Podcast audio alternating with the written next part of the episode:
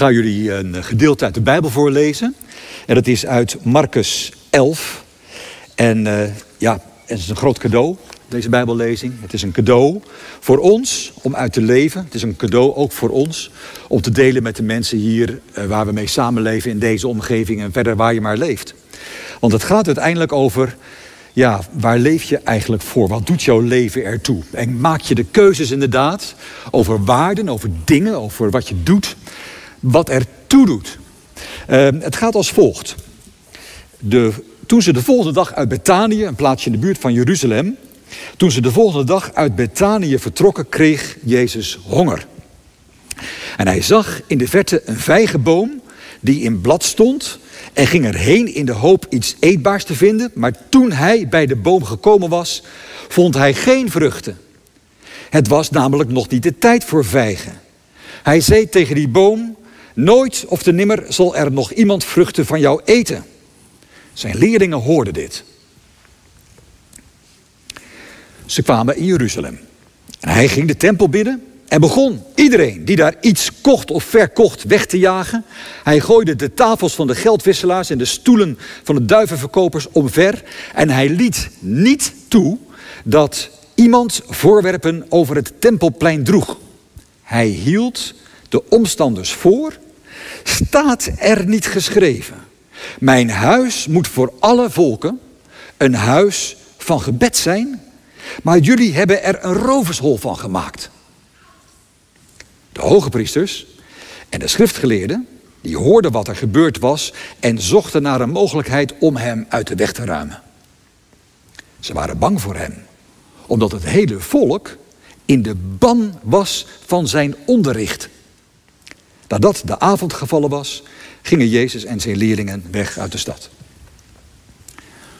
Toen ze morgens vroeg weer langs de vijgenboom kwamen, zagen ze dat hij tot aan de wortel verdord was. Petrus herinnerde zich het voorval en zei: Rabbi, kijk, de vijgenboom die u vervloekt hebt, is verdord. Jezus zei tegen hen: Heb vertrouwen in God. Ik verzeker jullie, als iemand tegen die berg zegt: Kom van je plaats en stort je in zee, en niet twijfelt in zijn hart, maar gelooft dat gebeuren zal wat hij zegt, dan zal het ook gebeuren. Daarom zeg ik jullie, alles waarom jullie bidden en vragen, geloof dat je het al ontvangen hebt en je zult het krijgen. Wanneer je staat te bidden en je hebt een ander iets te verwijten, vergeef hem dan, opdat ook jullie Vader in de hemel jullie je misstappen vergeeft. Het is ergens een, eh, een schokkend verhaal. Want ja, wat kan die vijgenboom eraan doen? Jezus komt op weg naar Jeruzalem langs die vijgenboom. Ehm, hij is op weg naar Jeruzalem. Dat is de plek waar hij opgepakt gaat worden. Waar hij berecht zal worden, veroordeeld tot de dood aan het kruis. Hij zal buiten de stad gekruisigd worden, ook opstaan en verschijnen aan de leerlingen, aan velen. Uh, maar op weg daar naartoe komt hij langs die vijgenboom. Hij heeft honger en hij vindt geen vrucht. Ja, er staat ook bij, het is nog niet de tijd voor de vijgenboom om vrucht te dragen. En nou ja, dat zou dus een beetje deze tijd kunnen zijn, want hier heb je een vijgenboom. En ja, ik weet niet of je dat kun je waarschijnlijk niet zien. Er zitten hele kleine uh, vruchtbeginseltjes aan. Maar dat duurt nog zeker een, maand of twee, drie voordat er echt vijgen aan zitten die je kunt eten. Tot die tijd, ja, kun je wel voor vruchten zorgen, maar dan moet je ze meenemen. Dan moet je ze drogen, dan kun je ze bewaren. En Jezus die, uh, die heeft honger, die zoekt vruchten, vindt ze niet. En hij zegt, spreekt tegen een boom. Vond ik eigenlijk wel verrassend. Ik had nooit zo gedacht dat Jezus tegen bomen sprak, maar opeens viel mij dat op. Hij spreekt tegen die boom. En hij zegt tegen die boom, nooit zal iemand meer vrucht eten uit jou, uh, van jou. En, en een dag later komen ze weer langs die boom en dan, dan wijst Petrus erop, Rabbi, die boom is verdord. Die je vervloekt hebt. En dan is Jezus antwoord, vertrouw op God. Wat is hier aan de hand? Uh, die vijgenboom, dat is een beeld van het volk Israël. Net zo goed ook een beeld van jou, van mij, die dit woord hoort. Een beeld ook van de kerk. En dat het schokkend is dat zo'n vijgenboom gewoon, ja, uh, verdort. Uh, dat is ook precies de bedoeling. Want eh, kijk, je kunt je leven plannen. Je kunt denken, weet je wat, ik ga proberen zo goed mogelijk diploma's te halen. En dan uh, carrière beginnen. En dan probeer ik natuurlijk een partner te vinden. En dan gaan, gaan we kinderen maken. En dan uh, gaan we hypotheek afbetalen. En dan heb ik pensioen. En als ik dan ergens in de tachtig ben en dan is allemaal gelukt, heb ik een goed leven gehad. Maar waartoe? Waartoe dan? Waar heeft dat leven toe geleid, behalve dat je een, een ecologische voetafdruk hebt achtergelaten en een hoop CO2 hebt geproduceerd? Natuurlijk is het belangrijk dat je het goed hebt met je mensen, dat het gezellig is en dat je lief bent voor iedereen. Natuurlijk, natuurlijk. Alleen Jezus stelt de vraag of je Hem ook voedt als Hij bij je komt. Of je dan vrucht draagt. Hetzelfde geldt voor een kerk. En je kunt zeggen, nou, een kerk moet groeien, groot zijn, grote boom zijn. Hoe groter de boom, hoe beter. Ja, oké. We zijn gezegend met veel jongeren, lees ik in de profielschets. Prachtig, tuurlijk, is waar. Maar de vraag is, waartoe? Draag je vrucht als Jezus komt? Ben je Jezus aan het voeden? Dat is de vraag. En als je Jezus voedt, dan houdt het ook in dat je met Jezus die weg gaat. Dat, je, dat zijn weg en jouw weg samenvallen. Um, over die vruchten, dat is ook de vraag wat zijn die vruchten. Daarover lees ik in uh, Galaten 5, waarin Paulus dat keurig op een rijtje zet voor ons. Waarin hij zegt, dit zijn de vruchten van de geest. Uh, dat is uh, liefde. Het is geloof, geduld, goedheid. Het is vrede, het is vreugde, het is vriendelijkheid. Het is zachtmoedigheid, het is zelfbeheersing. Negen stuks. En hij zegt er dan bij, die, dit zijn de vruchten, dat, dat, daarmee voed je Jezus. En daarmee valt jouw weg, jouw levensweg ook samen met die weg van Jezus. Door het lijden, door de dood, naar het nieuwe leven, naar de verzoening. Dan wordt jouw weg en zijn weg vallen ook samen als je die vruchten hebt. Want hij zegt erbij, als hij die, eh, die eh, vruchten benoemd heeft, geen wet heeft er iets tegen. En wie Christus Jezus toebehoort, heeft zijn eigen natuur met alle hartstocht en begeerte aan het kruis geslagen. Dan valt dat samen. Zijn weg en jouw weg. En dan verandert er iets. Dan verandert er iets ook in de verhoudingen met, met, met mensen. Dan verandert er ook iets in de zin van dan komt dat koninkrijk van God dichterbij. Even een voorbeeld. Wat mooi die negen vruchten van de geest, maar hoe functioneren die in de praktijk? Er komen meer voorbeelden hoor, maar eentje.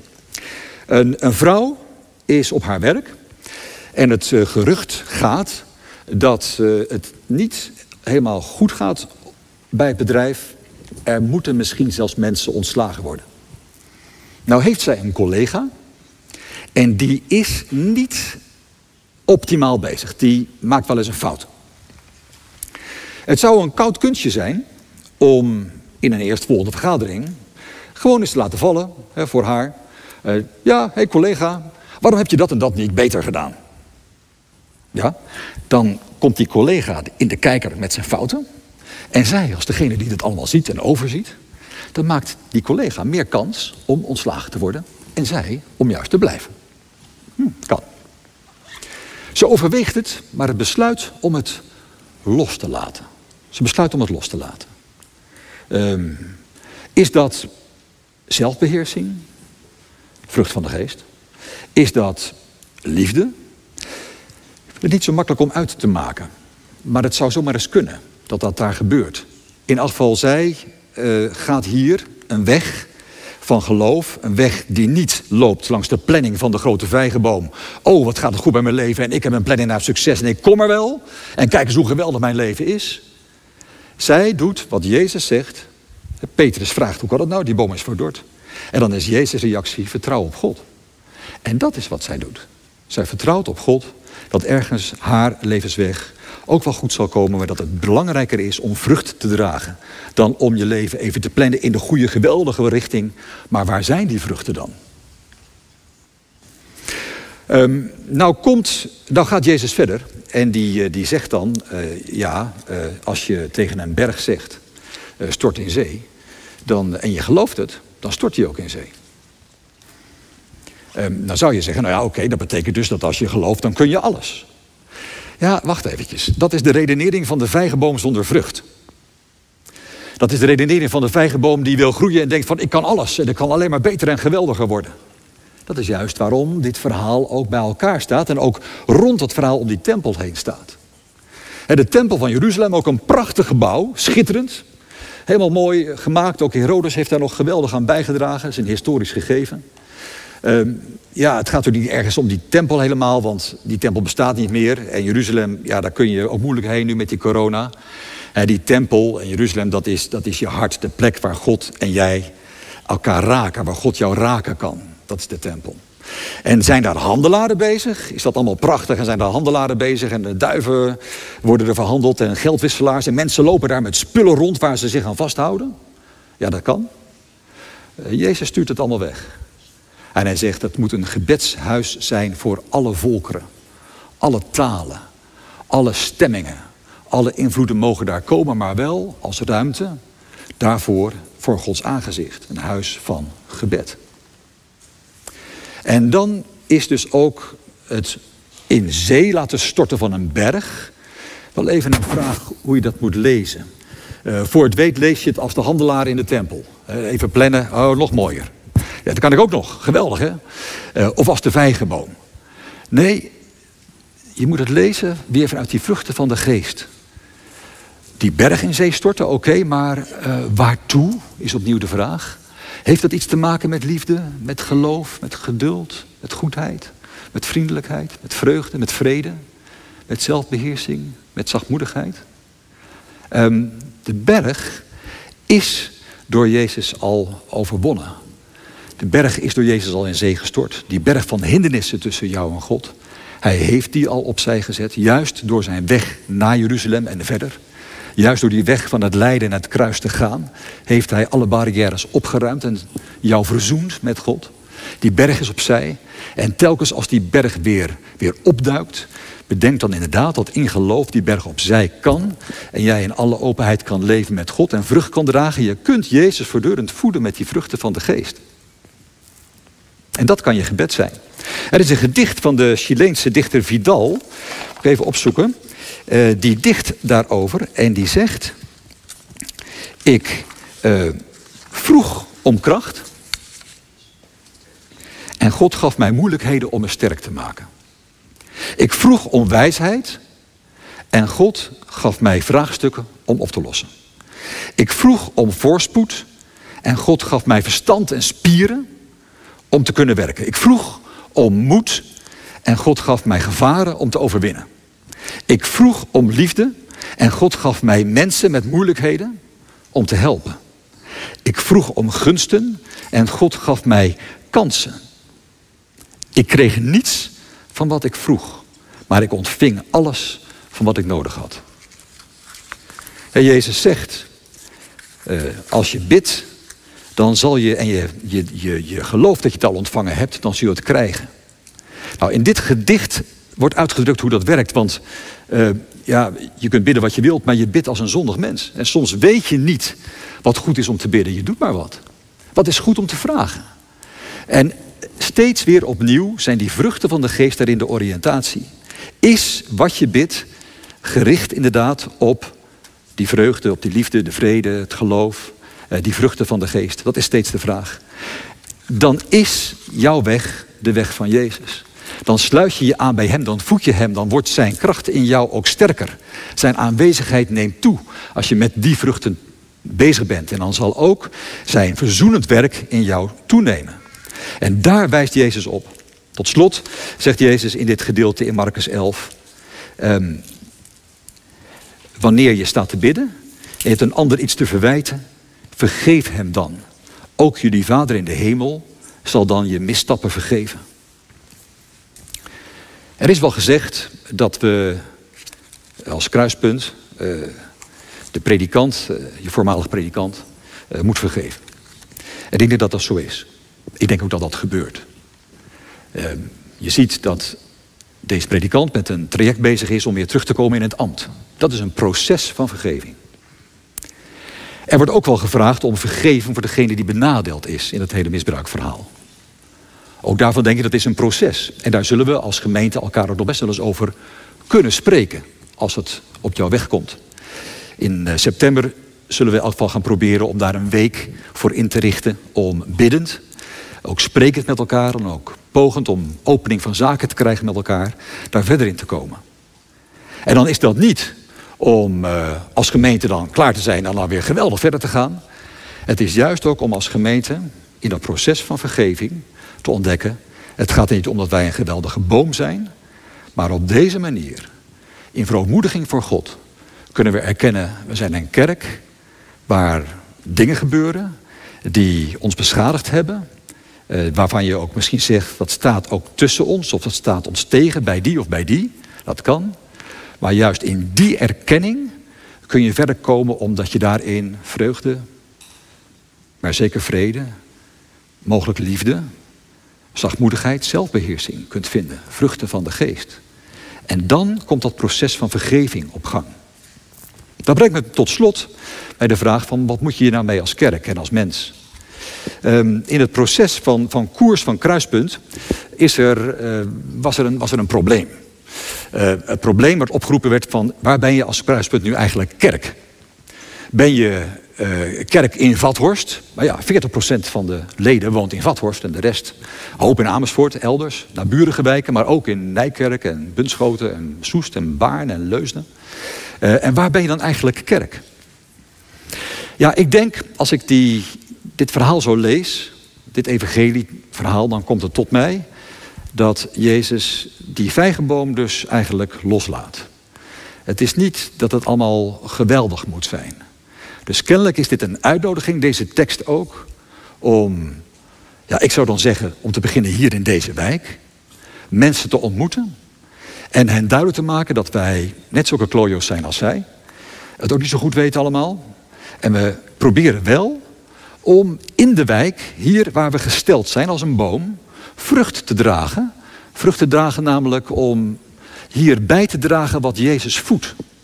Wat Jezus werk van verzoening in deze wijk, in deze buurt, in deze omgeving sterker maakt. Om dan ook te ontdekken, wat zijn eigenlijk de vruchten die er te doen? Wat hebben wij eigenlijk te bieden? Wat voor boom zijn we eigenlijk? Want ja, deze, deze tekst gaat over een vijgenboom, maar ik kan me ook voorstellen dat je ontdekt dat je eigenlijk een moerbijboom bent of een, uh, of een wijnstok. Maar dan geldt hetzelfde, draag je vrucht. Maar wel de vrucht die ertoe doet. Op de plek waar je gesteld bent, waar Jezus langskomt. En ben je voedzaam. En ik denk dat dat een missionaire aanpak zou kunnen zijn. Dat je gewoon hier begint. Probeert mensen te ontmoeten. Ook in, die, in diezelfde week in september zullen er ook allerlei dingen gebeuren met buurtgenoten. Er is een burendag uh, in september en dat soort dingen. Proberen we als kerk ook open te zijn, daar ga je nog wel over horen. Um, om mensen te ontmoeten. En niet te vertellen hoe geweldig de kerk is, dat ben je wel, maar dat, dat, daar gaat het niet om. Maar om juist in de ontmoeting met die mensen te zoeken van wat is hier nou nodig. En ik denk zo, als ik naar Vathorst kijk, dat uh, vreugde belangrijk is. Omdat mensen wel blij zijn, maar is er ook die diepe vreugde van die het verstand te boven gaat. Het is een nogal een geplande vreugde soms, heb ik het idee.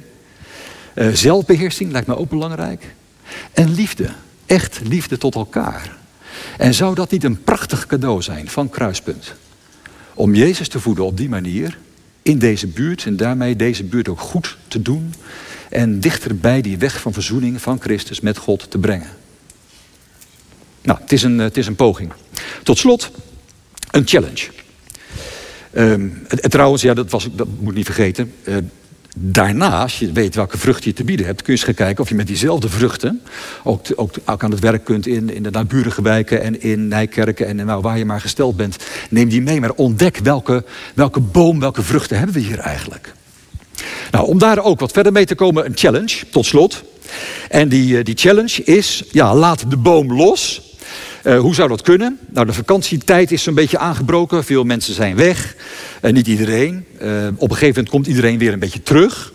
En dan krijg je van die uh, barbecues in de buurt en misschien in de familie of in de vriendenkring, dat je elkaar weer spreekt en waar ben je geweest. En vaak komen natuurlijk de mooiste verhalen op tafel. Het was geweldig en interessant daar en, en, de, en de kinderen hebben het ook geweldige kinderen. En, en ja, nu moet ik aan het werk, heel belangrijk werk, maar ik heb even geen zin, maar het komt wel weer. Ja, allemaal, de boom is groot en geweldig. Oké, uh, maar nu de vruchten. Zou het een challenge kunnen zijn dat je één ik weet niet of je, zo, of je meerdere of één bijeenkomst hebt. Maar stel je voor dat je één zo'n bijeenkomst hebt, na de vakantie. Met al die mooie verhalen. Dat je je daar biddend op voorbereidt. En wel door Galaten 5 waar die vruchten van de geest staan. Dat is het, uh, welk vers is dat? Uh, dat is vers uh, 22. Die negen vruchten. Dat je biddend die negen vruchten memoriseert, probeert tot je te nemen, te onthouden. En dat je daarmee naar zo'n barbecue bijeenkomst gaat. Dat je dan niet gaat vertellen hoe geweldig jouw tijd was en kinderen en vakantie en werk, dat soort dingen. Boom, hè, boom, die verdord is. Maar dat je die vruchten voorop stelt. En dat je kijkt van, kan ik die boom eens even loslaten en met die vruchten aanwezig zijn. En dat je kijkt, kan ik hier in de ontmoeting met, met mijn mensen uh, liefde of geloof of geduld of goedheid of vreugde of vrede of vriendelijkheid of zachtmoedigheid of zelfbeheersing. Eén daarvan, één is genoeg. Inbrengen. Gewoon in de ontmoeting met, met elkaar hier. In plaats van de mooie verhalen. Probeer eens te ontdekken welke vrucht kan ik hier nou brengen. In de ontmoeting met een ander. Dat is misschien kwetsbaar. Dat is misschien even zoeken. Maar probeer het eens. En kom dan terug en denk thuis nog eens even na van... wat is hier nou gebeurd? Is het gelukt? Misschien niet. Dan overnieuw. Bij de volgende bijeenkomst weer eens proberen. Misschien wel. Dat doet ertoe. Je leven doet ertoe.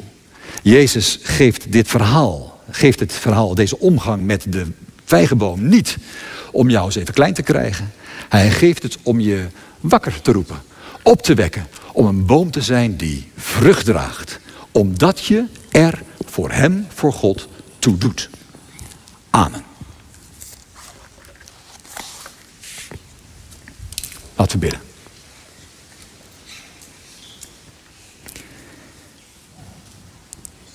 Heere God, in een wereld waar zoveel nood is, waar mensen rondlopen met verdriet om relaties die niet goed lopen, met angst over hoe het zal zijn op hun werk of thuis of in de omgang met anderen, onzekerheid over hun waarde.